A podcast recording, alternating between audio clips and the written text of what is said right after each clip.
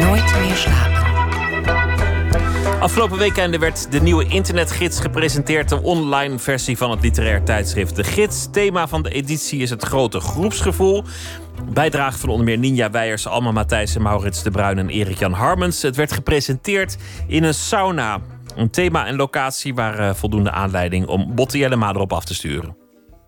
Uh, welkom allemaal. Komen jullie ook binnen? Het is een warme avond en we zitten met een man of 30, 40 in een soort spiegeltent. Het ruikt er naar houtvuur, de sfeer is amicaal. Ik krijg de indruk dat de meeste mensen elkaar kennen. Ik niet. Ik ben ook niet zo van de groepen en groepsgevoel.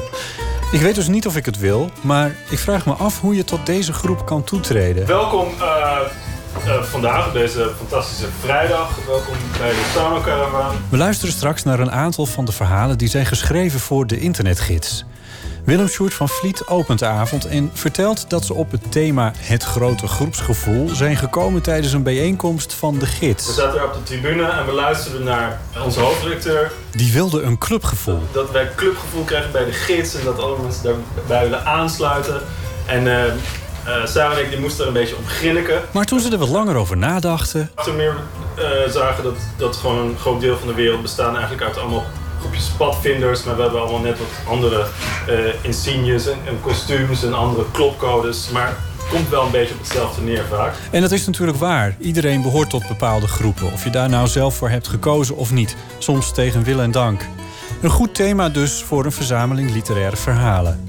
Op de plek waar we zijn is een soort mobiele sauna, buiten in Amsterdam-Noord. Op een bedrijventerrein waar de bedrijven langzaam plaatsmaken voor koopwoningen en koffietenten. In de tussentijd bevolken stadsnomaden het terrein. Ik kon de ingang eerst niet vinden, maar een jongeman in een roze t-shirt was even verdwaald als ik. Samen vonden we het. Je hebt soms anderen nodig. Tussen de tonnen met water en een tot sauna omgetoverde bouwkeet zitten de organisatoren Willem Sjoerd en Sarah Arnolds in hun badjassen. Ik vind het trouwens heel leuk dat jij ook een badjas hebt aangetrokken. want, uh, uh, want ja, goed, dan hoor je er ook gelijk een beetje bij. En dat is ook dat hele idee dat we uh, allemaal een soort van gewoon onze, onze, beetje onze kleren van ons afschudden. En dat we allemaal min of meer een soortzelfde ja, uniform aantrekken. Mijn badjas is literair, zullen we maar zeggen. De literaire wereld wordt niet zelden gezien als ook een clubje. Een gesloten bolwerk. Elitair, als ik een besmet woord mag gebruiken.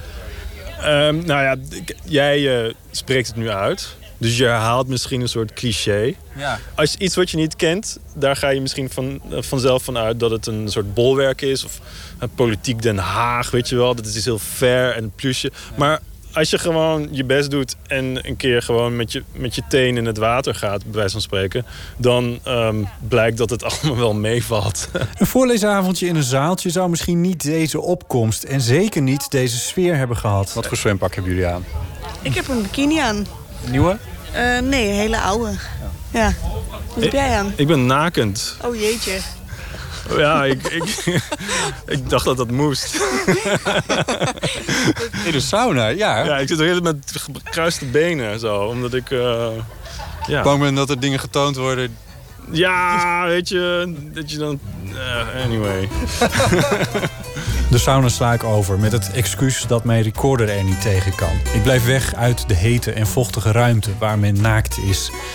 Maar eigenlijk is het meer dat ik wel blij ben met mijn rol van verslaggever. De relatieve buitenstaande, de observator. Niet onderdeel van de groep. Navids ogen zijn als kleine pikzwarte kraaltjes. Hij heeft een klein buikje, zijn gezicht is bedekt door een baard en altijd een sigaret in zijn mond. Behalve nu hij moet optreden. Vanavond speelt hij ambient en drone muziek in een kleine theaterzaal in Teheran. Hij staat geconcentreerd boven de knoppen. Zijn muziek slaat als een golf over mij heen. Door simpelweg geboren te worden behoor je al tot groepen. Maar niet bij iedereen zijn die groepen duidelijk. Bijvoorbeeld bij Sophie Kurpershoek. Zij leest in de spiegeltent voor, niet in de sauna. Ze is dochter van een diplomaat, geboren in Saoedi-Arabië en opgegroeid in Pakistan en Turkije. Ergens bij horen is een thema dat haar op het lijf is geschreven. Haar verhaal gaat over hoe ze in Iran bij een concert met elektronische muziek is, waar wordt gedanst en waar wordt gedronken. Wat een beetje spannend is in het land van de Ayatollahs. Ik heb me altijd geïnteresseerd voor progressieve elektronische muziek. En ik ontdekte dat het daar echt heel erg groot is. Ja. En toen ben ik daarheen gegaan en die mensen via Instagram opgezocht en gevraagd of ik ze kon ontmoeten. Een diplomatendochter die altijd heeft gereisd... met vliegvelden als eikpunten in haar leven. Bij welke groep wil zij horen?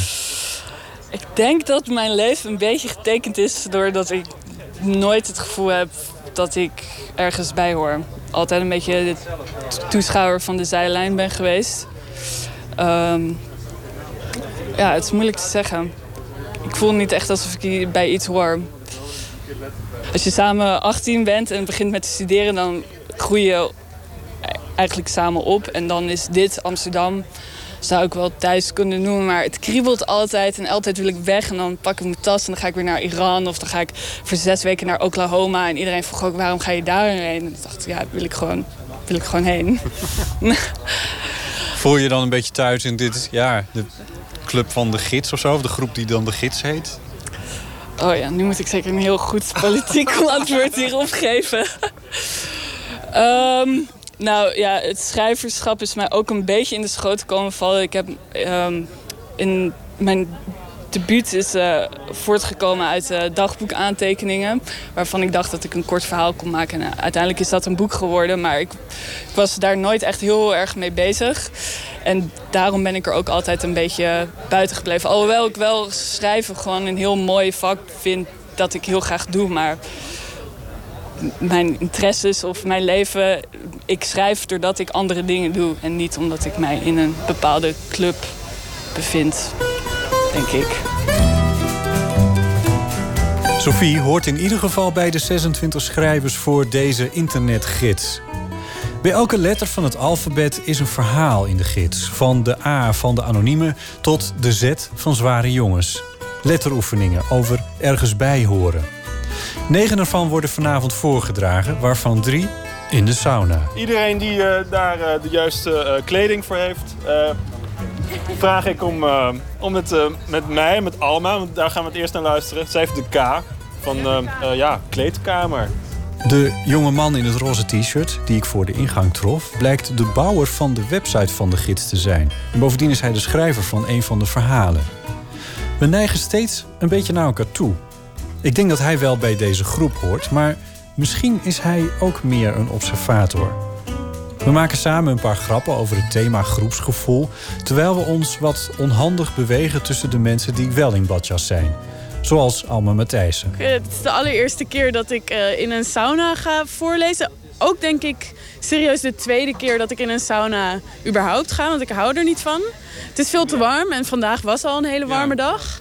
Maar het heeft ook wel iets leuks, want normaal zeggen mensen altijd als je zenuwachtig bent voor je optreden, ja, beeld je in dat iedereen naakt is. Maar dan in dit geval is dat echt waar. Maar ik weet niet of het helpt bij mijn zenuwen.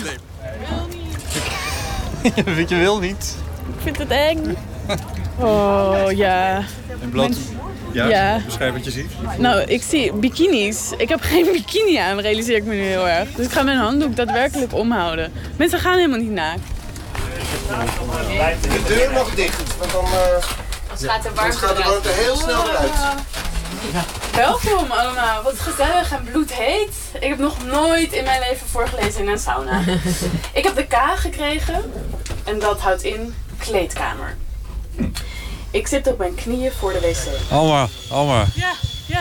Eh, ik ga dood. Maar mijn hemel, wat is dit heftig. Waarom doen mensen dit? Ik weet het niet. Wat was er heftig? Nou, de sauna vooral. En het is natuurlijk ook best heftig om, om als je, ik een verhaal wil lezen, althans, dan kom ik in een soort van cadans. En je wilt toch ook echt een soort van optreden. Maar door die hitte, ik weet niet hoe heet het is, het voelt wel 50 graden of zoiets, word je heel erg. Je kan niet zo snel gaan en je kan niet versnellen op punten waarop je gewend bent om normaal dat wel te doen. Dus, oh, en ik zie nu iemand daarin gaan. Het is een soort ijswaterbad. Wil je dat? Ja, misschien wel. Ik weet het niet zo goed. Is dat verstandig? De regel is, na de sauna moet je even drie keer met je hoofd onder water. En je hele lichaam. Ja. Alma, dan ga je. Maar je, hebt, je bent er maar een minuut of acht in geweest. Of tien, hoe lang was het? Ja, ik denk acht. Nou, dan moet je eigenlijk wel even drie keer met je hoofd onder water. Anders krijg je hoofdpijn later. Sorry. Echt? Ja. Oh, het is koud! Weet je, ik kan deze eromheen houden. Zo. Ja? Goed zo. Eén, Eén.